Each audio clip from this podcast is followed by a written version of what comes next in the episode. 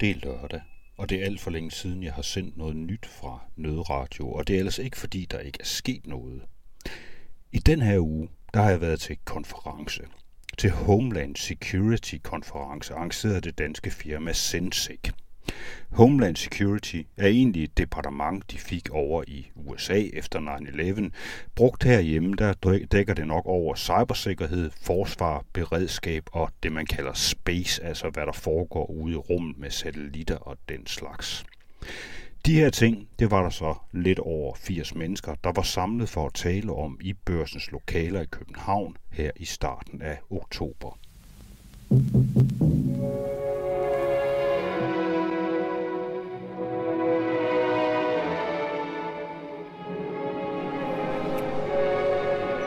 Velkommen til Nødradio. I dag der befinder jeg mig i øh, børssalen inde i midt i København, lige over for Folketinget. Øh, det her med indre sikkerhed, det er en øh, stor forretning, og derfor er den her også blevet gennemført, den her konference. Øh, der kommer op til 84 mennesker, har jeg forstået, der kan være herinde, og vi skal have den her plads imellem stolene med en imellem hver. Øhm, og øh, vi har alle sammen mundbind på, i hvert fald når vi står op øh, fordi vi også skal passe på hinanden.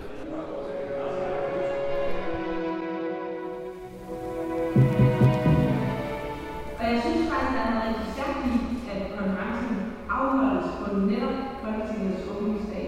Fordi hele den digitale udvikling handler jo i høj grad også om demokrati, om frihed og ikke mindst om sikkerhed forsvarsminister Trine Bramsen. Hun skulle egentlig have holdt en tale, men Folketinget åbnede samme dag, og hun havde jo travlt med en vis skandale omkring Forsvars efterretningstjeneste, så det blev på video.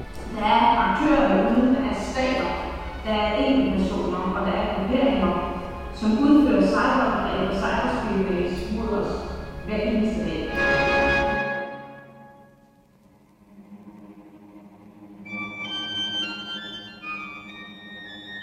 Øh, jeg hedder Michael Linden Wørnle, og jeg er astrofysiker og chefkonsulent ved DTU Space. Jamen, autonom infrastruktur, det er en vision for fremtiden, fordi vi ser jo i højere grad, at vi begynder at introducere autonome systemer, for eksempel selvkørende biler, selvkørende lastbiler osv. Og øhm, øh, på et eller andet tidspunkt, så ser vi behovet for, at den her infrastruktur, for at man i virkeligheden kan frisætte potentialet fuldt ud, at systemerne de øh, får lov til at koordinere deres aktiviteter selv. Så det ikke nødvendigvis skal sidde mennesker og styre alting, men i virkeligheden bare kan give øh, en kombination, altså en samling af forskellige systemer. Og det kan være i alle domæner, altså noget, der flyver, sejler eller kører, en opgave, eller også kan de selv identificere en opgave, og så aftaler de indbyrdes, øh, hvad gør vi, og hvem skal øvrigt øh, holde sig væk, mens opgaven bliver løst. På den måde bliver det langt mere effektivt, og også formentlig også langt mere sikkert. Bare lige for at få det her billede, den her vision, det er simpelthen, altså det I ser for jer, det er en fremtid, hvor, om man så må sige, alting ligger og skøjter rundt og styrer sig selv måske ikke alting, men i hvert fald dele af vores infrastruktur, der hvor det giver mening af tingene, hvor man kan se, at der vil være en, en forøget effekt ved, at systemerne selv kan få lov til at bestemme. Altså selvfølgelig, det er klart, at nogle systemer, der er det nemmere, at der bare er en menneske, menneske, der trykker på en knap, eller der er noget, der bliver udløst af en timer. Men der, hvor det måske typisk kan være tidskritisk, eller hvor der kan være tale om, at der kunne være farlige situationer, der kan opstå, jamen så er det jo super vigtigt, at øh, systemerne selv indbyrdes finder ud af, hvad er det rent faktisk, der sker, og hvad skal vi gøre ved det for at løse det her på den bedste, sikreste og mest hensigtsmæssige måde. Den måde, det så foregår på, det er så, at de her forskellige devices, som man så må sige, de ligger, eller den autonome bil og en drone og alt muligt andet, de ligger simpelthen og taler sammen. Ja, lige præcis. De kommunikerer indbyrdes med hinanden, og når der så opstår en eller anden øh, situation, øh, enten fordi de alle sammen får en opgave og siger, nu skal I for eksempel finde en forsvunden person, eller øh, der opstår noget, de selv opdager og siger, hov, der er et eller andet galt herover, øh, så taler de sammen indbyrdes og finder så ud af internt, altså selvorganiserende, hvordan øh, løser vi det her, hvem skal være med til at løse det, hvem har de fornødne øh, kapaciteter til at være med, og hvem øh, skal vi egentlig bare sørge for at holde sig væk, så de ikke kommer til at gå i vejen for, for de andre. Det er i hvert fald sådan den helt overordnede vision det vil umiddelbart, jeg ved, det, du var også inde på det i dit oplæg, umiddelbart så kræver det ret stor tillid til de her systemer. Altså umiddelbart, så, så hvis jeg skal have nogle droner hængende over mit hoved, og måske også nogle fly og nogle andre ting, og nogle nogle biler, og de så kan selv skal ligge og forhandle, hvordan de skal opføre sig, det, det vil kræve tillid i hvert fald for os mennesker til de systemer og tillid fra mennesker er jo super vigtigt, fordi vi skal jo, øh, ligesom alt andet infrastruktur, have tillid til, at tingene fungerer, og at tingene ikke gør et eller andet forkert. Øh, man kan selvfølgelig aldrig give nogen 100% garanti, men grundlæggende set bliver det jo et spørgsmål om langsomt at bygge de her teknologier op og afprøve det trinvist, sådan at øh, mennesker kan få lov til at vende sig til det her. Altså, vi har jo allerede folk, der har skulle vende sig til tanken om at sidde i en selvkørende bil, og der er nok ikke mange, der lige nu har lyst til at sætte sig op i et fly, hvor der ikke sidder piloter ude i cockpittet, men det er jo et spørgsmål om en gradvis tilvænning, når vi føler, at teknologien rent faktisk fungerer og kan demonstrere det på en hensigtsmæssig måde. Du kom til at sige derinde også på et tidspunkt, at vi skal huske, at mennesket også er et autonomt, øh, hvad hedder det, selvstyrende system.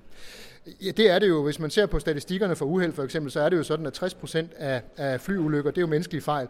Øh, og det er ikke fordi, jeg siger, at vi så undgår at få fejl, hvis vi bare tager mennesket ud af cockpittet, fordi det kan jo også være fejl i forbindelse med vedligeholdelse og andre ting. Så det er mere komplekst end som så. Men mennesker er jo også på mange områder utilregnelige og gør nogle ting, som er tåbelige og uhensigtsmæssige, som gør, at der opstår ulykker og uheldige problemer. Så en kombination af det, så det er jo ikke fordi, den kunstige intelligens nødvendigvis er bedre end den menneskelige, men i et kombination, hvor de to ting supplerer hinanden og støtter hinanden, det er jo i virkeligheden det, der er visionen.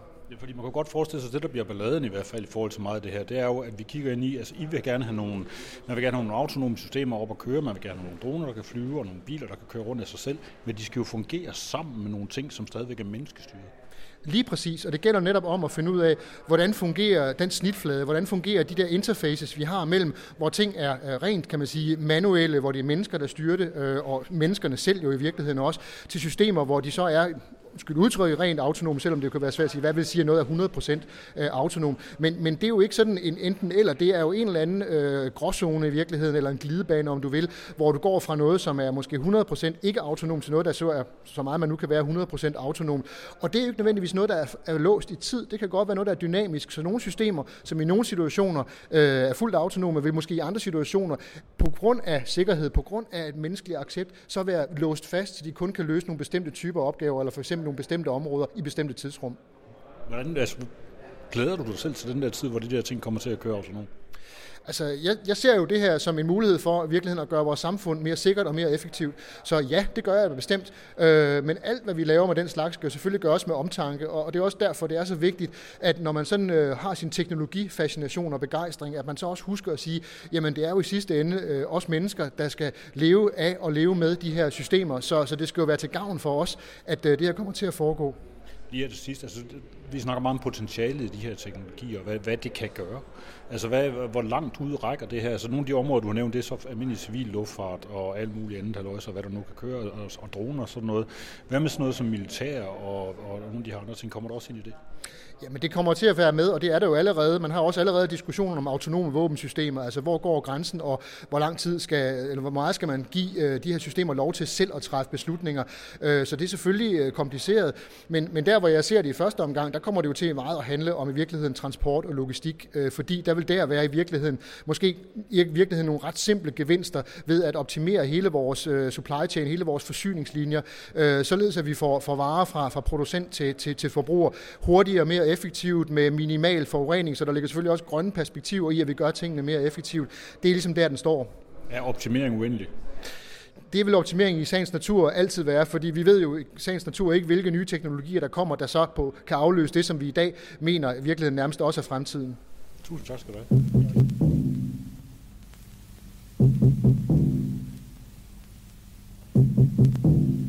Jeg hedder Jens Mjør Pedersen, og jeg er lektor på Aalborg Universitet. Du har lige holdt et oplæg her på den her konference øh, omkring øh, Homeland Security, og det du har talt om, det er, hvorfor hackerne har en fordel, mm, fordi de på grund af kunstig intelligens. Man skulle bare tro, at det er os, hvis vi bruger kunstig intelligens, der har nemmere ved at slå dem, men sådan er det ikke nødvendigvis. Men du gav fem grunde til det. Ja, jamen der er flere grunde til, at, at angriberne egentlig har en fordel. Det handler jo om, øh, det er faktisk to forskellige problemstillinger, man står med. Hvis man skal forsvare sig, så skal vi vinde hver gang. Øh, og hvis man angriber, så, skal man, så er man egentlig glad, bare man får flere angreb igennem. Og det der med at ramme en 100% øh, accuracy eller 100% præcision, det er rigtig svært ved at bruge maskinlæring. Hvorimod det egner sig fint til, hvis man, øh, hvis man gerne vil ramme, øh, at der er 1%, der åbner en spammail i stedet for en halv procent.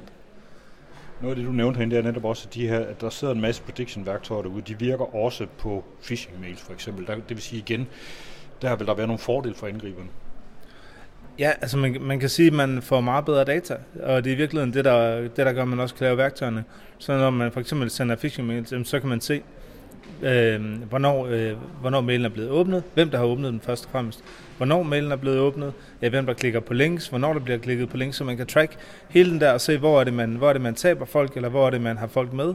Og så kan man kigge på forskellige målgrupper, og man kan se, om forskellige målgrupper opfører sig forskelligt, så kan man tilpasse sine mails, og samtidig med, at man tilpasser sine mails, så kan man løbende se, forbedrer man så sin, øh, sin succesrate, eller hvor taber man folk hen, så man får masser af data, man kan bruge til hele tiden at blive bedre. Og så er man jo samtidig ikke bundet af, af de ting, vi er, når man skal forsvare sig, så skal vi overholde regler og GDPR og, og privacy, og der er etik. Og når man angriber, så har man en rimelig frit slag i i forhold til, hvad det er for nogle data, man, man, øh, man kan få fat på at arbejde med. Altså, så kan man sige, det er jo lidt en betingelse. Det er ligesom når politiet, de må heller ikke bare runde rundt og skyde løs på folk. Nej, lige præcis. Men, men i forhold til data, er der bare rigtig meget dataadgang, øh, hvis man ikke bekymrer sig om, om, øh, om lov og regler. Og vi lægger jo masser af data ud alle mulige steder, også på, øh, på sociale medier, som man kan tage udgangspunkt i. Så jeg kan godt lide at se det på den måde, at man kan egentlig bruge det til både at sådan profilere folk, og sige, hvad er det for nogle typer af mennesker, hvad er det, de interesserer sig for. Øhm, er det nogen, der klikker på en masse links øh, til konkurrencer for eksempel, jamen, så kan det være en måde at komme ind på. Og samtidig der kan man, der kan man se folks opførsel, så man kan, kan skrue nogle angreb sammen, der svarer til noget, man lige har gjort. Hvis man lige har været på et hotel, eller hvis man lige har været sammen med nogle bestemte venner, jamen, så kan man egentlig bruge det i forhold til, hvordan man crafter sine angreb. Det eksempel, du giver der, det er, altså det er simpelthen det, det, det, er det der med, at, vi, at der er en masse konkurrence på Facebook, øh, for eksempel, hvor man øh, kan gå ind, og så udfylder man et eller andet, så skal man dele det, og så kan man måske vinde noget. Og det er altså et sted, hvor man også kan gå ind og benytte sig af det som angriber. Ja, det er i hvert fald en måde at profilere folk på. Det er, at der er en gruppe af personer, som meget gerne vil deltage i konkurrencer, som måske har en større villighed til at dele ting. Og så kan man bruge, øh, så kan man jo typisk sende dem links til konkurrencer, og så tror man, at de klikker på det. Hvorimod andre har andre opførsler, måske øh, specielle interesser. Man kan se, de har en interesse for frimærker. Jamen, så kan man sende dem en, en, nogle mails, der handler om frimærker, og på den måde øh, igen målrette sin angreb.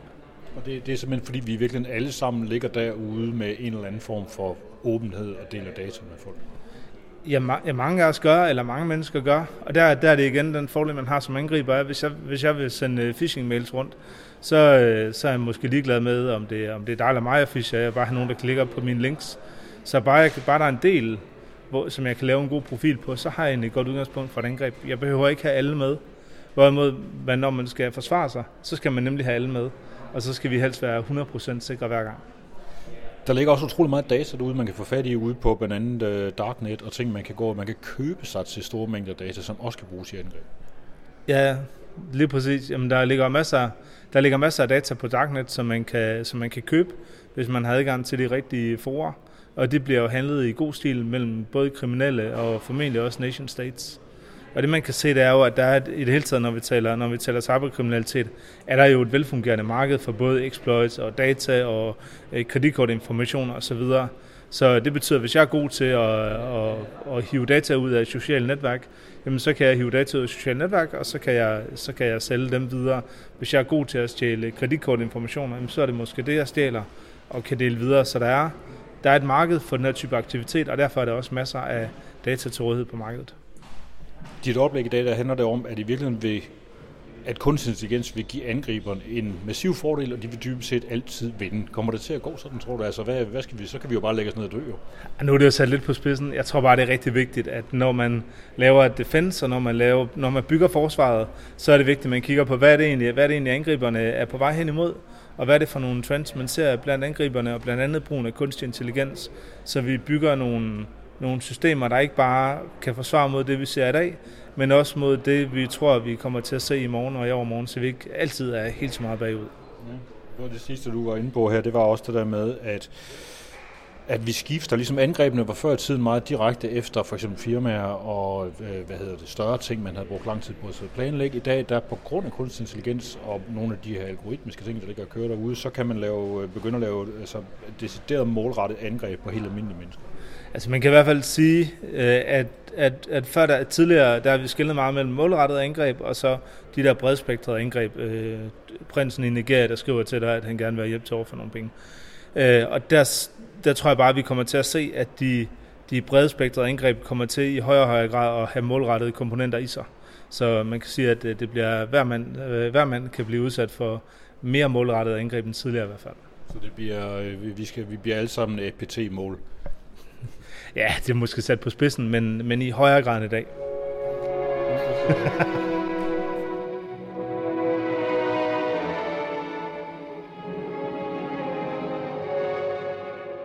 Fortæl mig lidt om det. er bedre end mundkurv. Ja, det er det bestemt. Heller mundbind end mundkurv, end vi er enige om. Kan, du, kan jeg få dig til at lige præsentere dig selv, fordi så kan jeg lige få et niveau på det. Ja, jeg hedder Lars Bejlum Holmgaard Christensen. Director for Danish Hub for Cyber Security. Danish Hub for Cyber Security. Hvad skal I lave?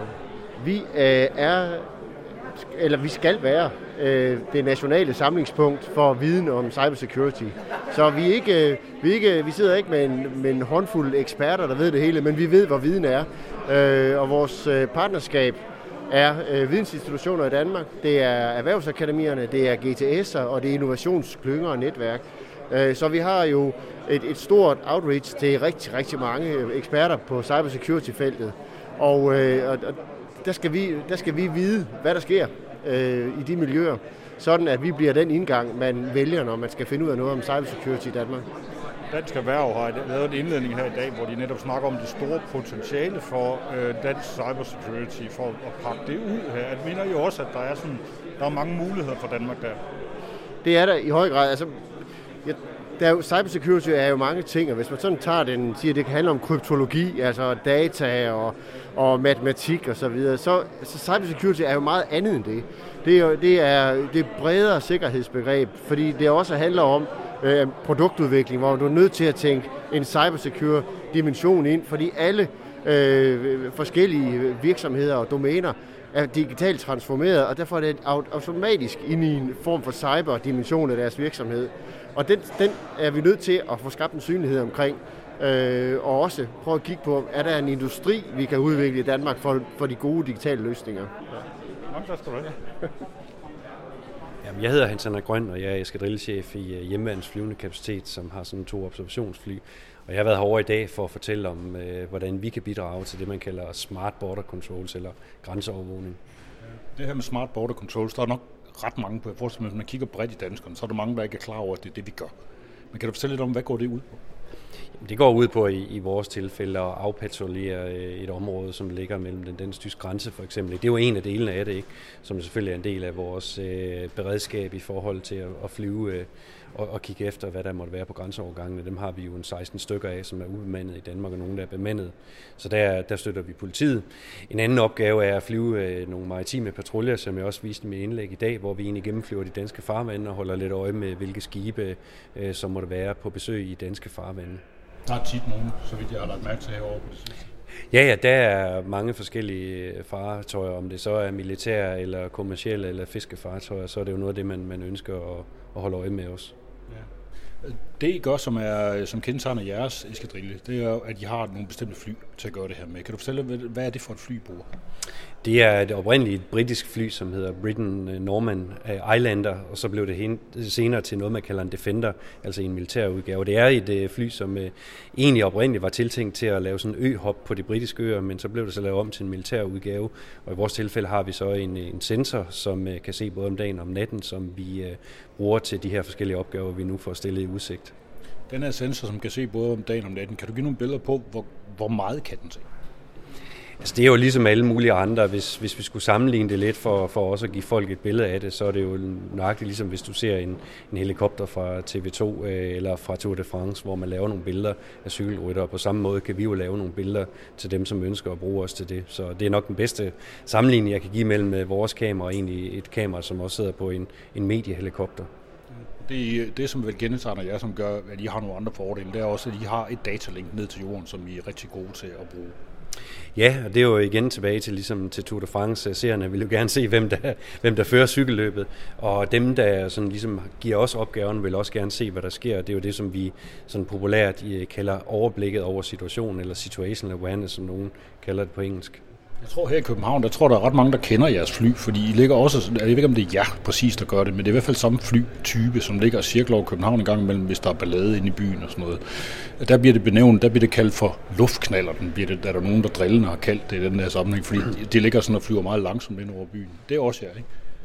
Jo, altså vi har været med, som det også har været skrevet i medierne om, i forbindelse med flyvning over København. Og det er selvfølgelig klart, om det er en fly eller en helikopter, så, så støjer den ligesom en bil. Og øh, hvis du kommer for langt ned, det kan være på grund af skydækket, og det er svært at se, jamen så får du også en højere støjniveau, kan du sige. Og det er jo ikke ualmindeligt for både almindelige fly, øh, som også flyver til og fra Castro.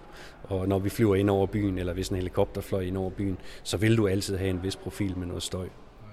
Hvad kan det her bruges til i fremtiden, de der opgaver, I har? Du snakker meget om, I snakker om det der med smart border patrol, uh, øh, patrolling og sådan noget. Hvordan, hvordan ser du det her udvikle sig, det her med at flyve rundt og kigge ned?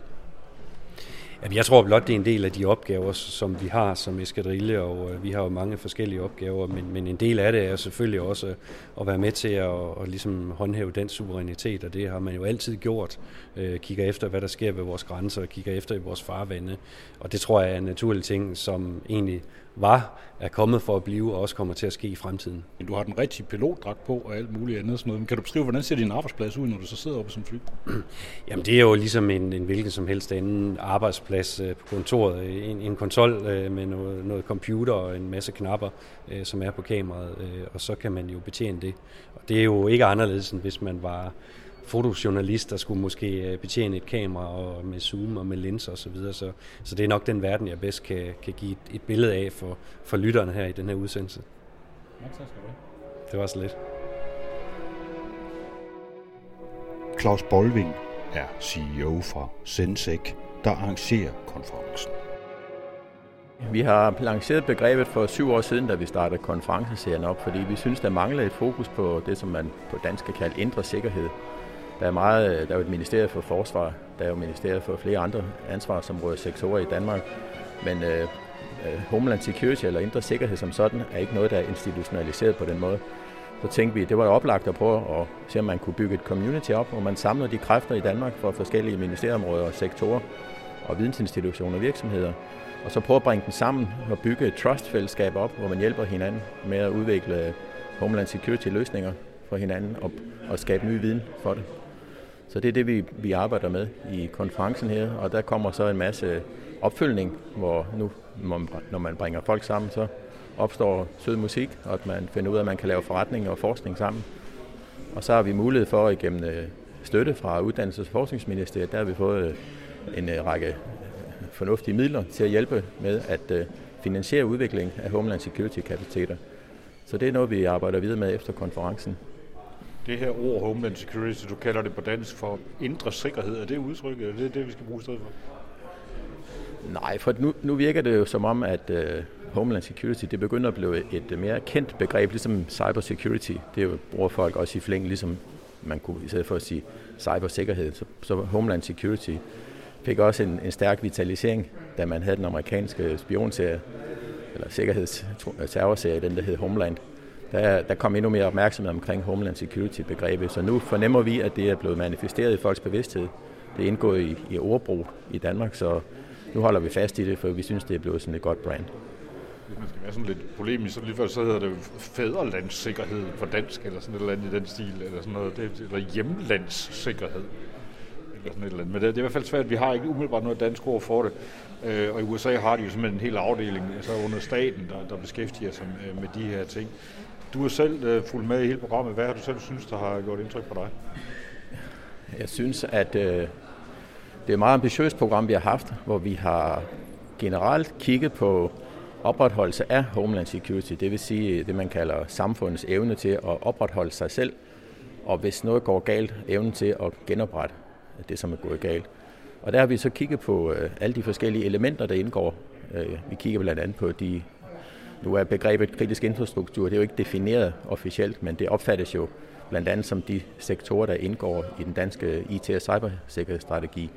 Så, så de ting, som får samfundet til at fungere, dem har vi haft øh, fokus på, og jeg synes, at der er kommet en rigtig, rigtig spændende ny viden til deltagerne på konferencen, hvor man dels øh, hører det nyeste fra forskningen, fra universiteterne og fra de godkendte teknologiske serviceinstitutter. Hvad har de liggende på hylderne og hvad er de på vej til at skabe af viden og udvikle af viden og forskning, som kan overføres til virksomhederne. Øh, sådan at virksomhederne de bliver dygtigere, mere konkurrencedygtige, de får det, vi kalder løfte deres innovationshøjde. Så bliver virksomhederne stærkere, og så får de bedre marked, så skaber de vækst og arbejdspladser, og det giver økonomi tilbage. Øh, til systemet. Så det synes jeg faktisk, vi har fået rigtig godt fat under konferencen i flere af de øh, elementer, som indgår. Og det kan jeg høre nu. Folk, selvom konferencen er slut, så bliver folk jo hængende, fordi de synes bare, at det her det er meget, meget spændende. Lige præcis, du nævnte lige det her begreb, som er sådan lidt forkætret efterhånden. Det hedder kritisk infrastruktur, som du siger. Det er jo ikke, det er netop ikke, det er ikke defineret. Altså det er jo sådan, for jeg tror egentlig ikke, der er ret mange befolkninger, der er klar over, at vi faktisk ikke har en ordentlig præcis definition af, hvad kritisk infrastruktur er her. Eller? Nej, men jeg synes, det er lidt en, øh, en akademisk diskussion, fordi øh, nu har vi jo et forsvarsministerium. I gamle dage hed det krigsministerium, men øh, krig er jo heller ikke defineret. Øh, krig findes jo ikke i folkeretten. Der findes noget, der hedder væbnede konflikter. Men hvorfor definerer man ikke krig? Øh, så, så, men der er ikke nogen, der er i tvivl om, hvad krig er. Så det, og det samme her, kritisk infrastruktur. Jeg tror reelt ikke, der er nogen, der er i tvivl om, hvad kritisk infrastruktur er. Det er jo alle de elementer, som binder samfundet sammen, som man kan opretholde den sikkerhed og velfærd, som man har i dag. Så jeg, jeg synes ikke, jeg har ikke brug for at, at diskutere, øh, hvorfor man ikke har et officielt begreb. Det synes jeg ikke er så vigtigt. Kommer der en ny? Det her det var den syvende af de her konferencer. Øh, kommer der en mere til næste år? Ja, fordi nu kan vi mærke, at der er efterspørgsel efter konferencen, og øh, nu valgte vi lidt tilfældigt at lægge den i oktober, da vi startede op tilbage i 2014. Og øh, sidenhen har Europakommissionen jo udpeget øh, oktober måned til den europæiske cybersikkerhedsmåned. Og sidste år der udpegede de danske myndigheder, inklusive Digitaliseringsstyrelsen, øh, de udpegede også oktober til den danske cybersikkerhedsmåned. Så der er et meget stor interesse for cyber, et stort fokus på cyber, især i, øh, i den måned, altså i oktober måned. Så øh, vi holder fast i oktober, og som vi også kunne se i dag, det er jo ikke kun øh, cybersikkerhed, vi taler om. Det er jo en, en del af, af beskyttelsen af den kritiske infrastruktur, men vi hørte jo også for eksempel i dag om beskyttelse mod asteroider. Hvad gør jorden, hvis man er udsat for trusler fra asteroider? Så der er flere andre ting, der indgår i at opretholde Homeland Security. Så det putter vi på konferencen også. Så det er ikke kun cyber.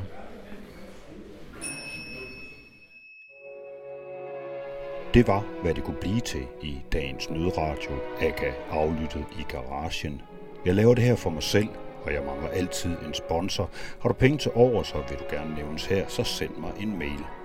Jeg vender tilbage med mere nyt, når der er noget, og til da, så sender jeg alle sammen store knus, kram og kys, for jeg savner jer, alle mine smukke medmennesker. Ha' det godt og pas på jer selv, nu hvor vi ikke længere rigtig kan passe på hinanden på andre måder end ved at holde os fra hinanden. Holde os for os selv, holde afstand, holde ud og holde af.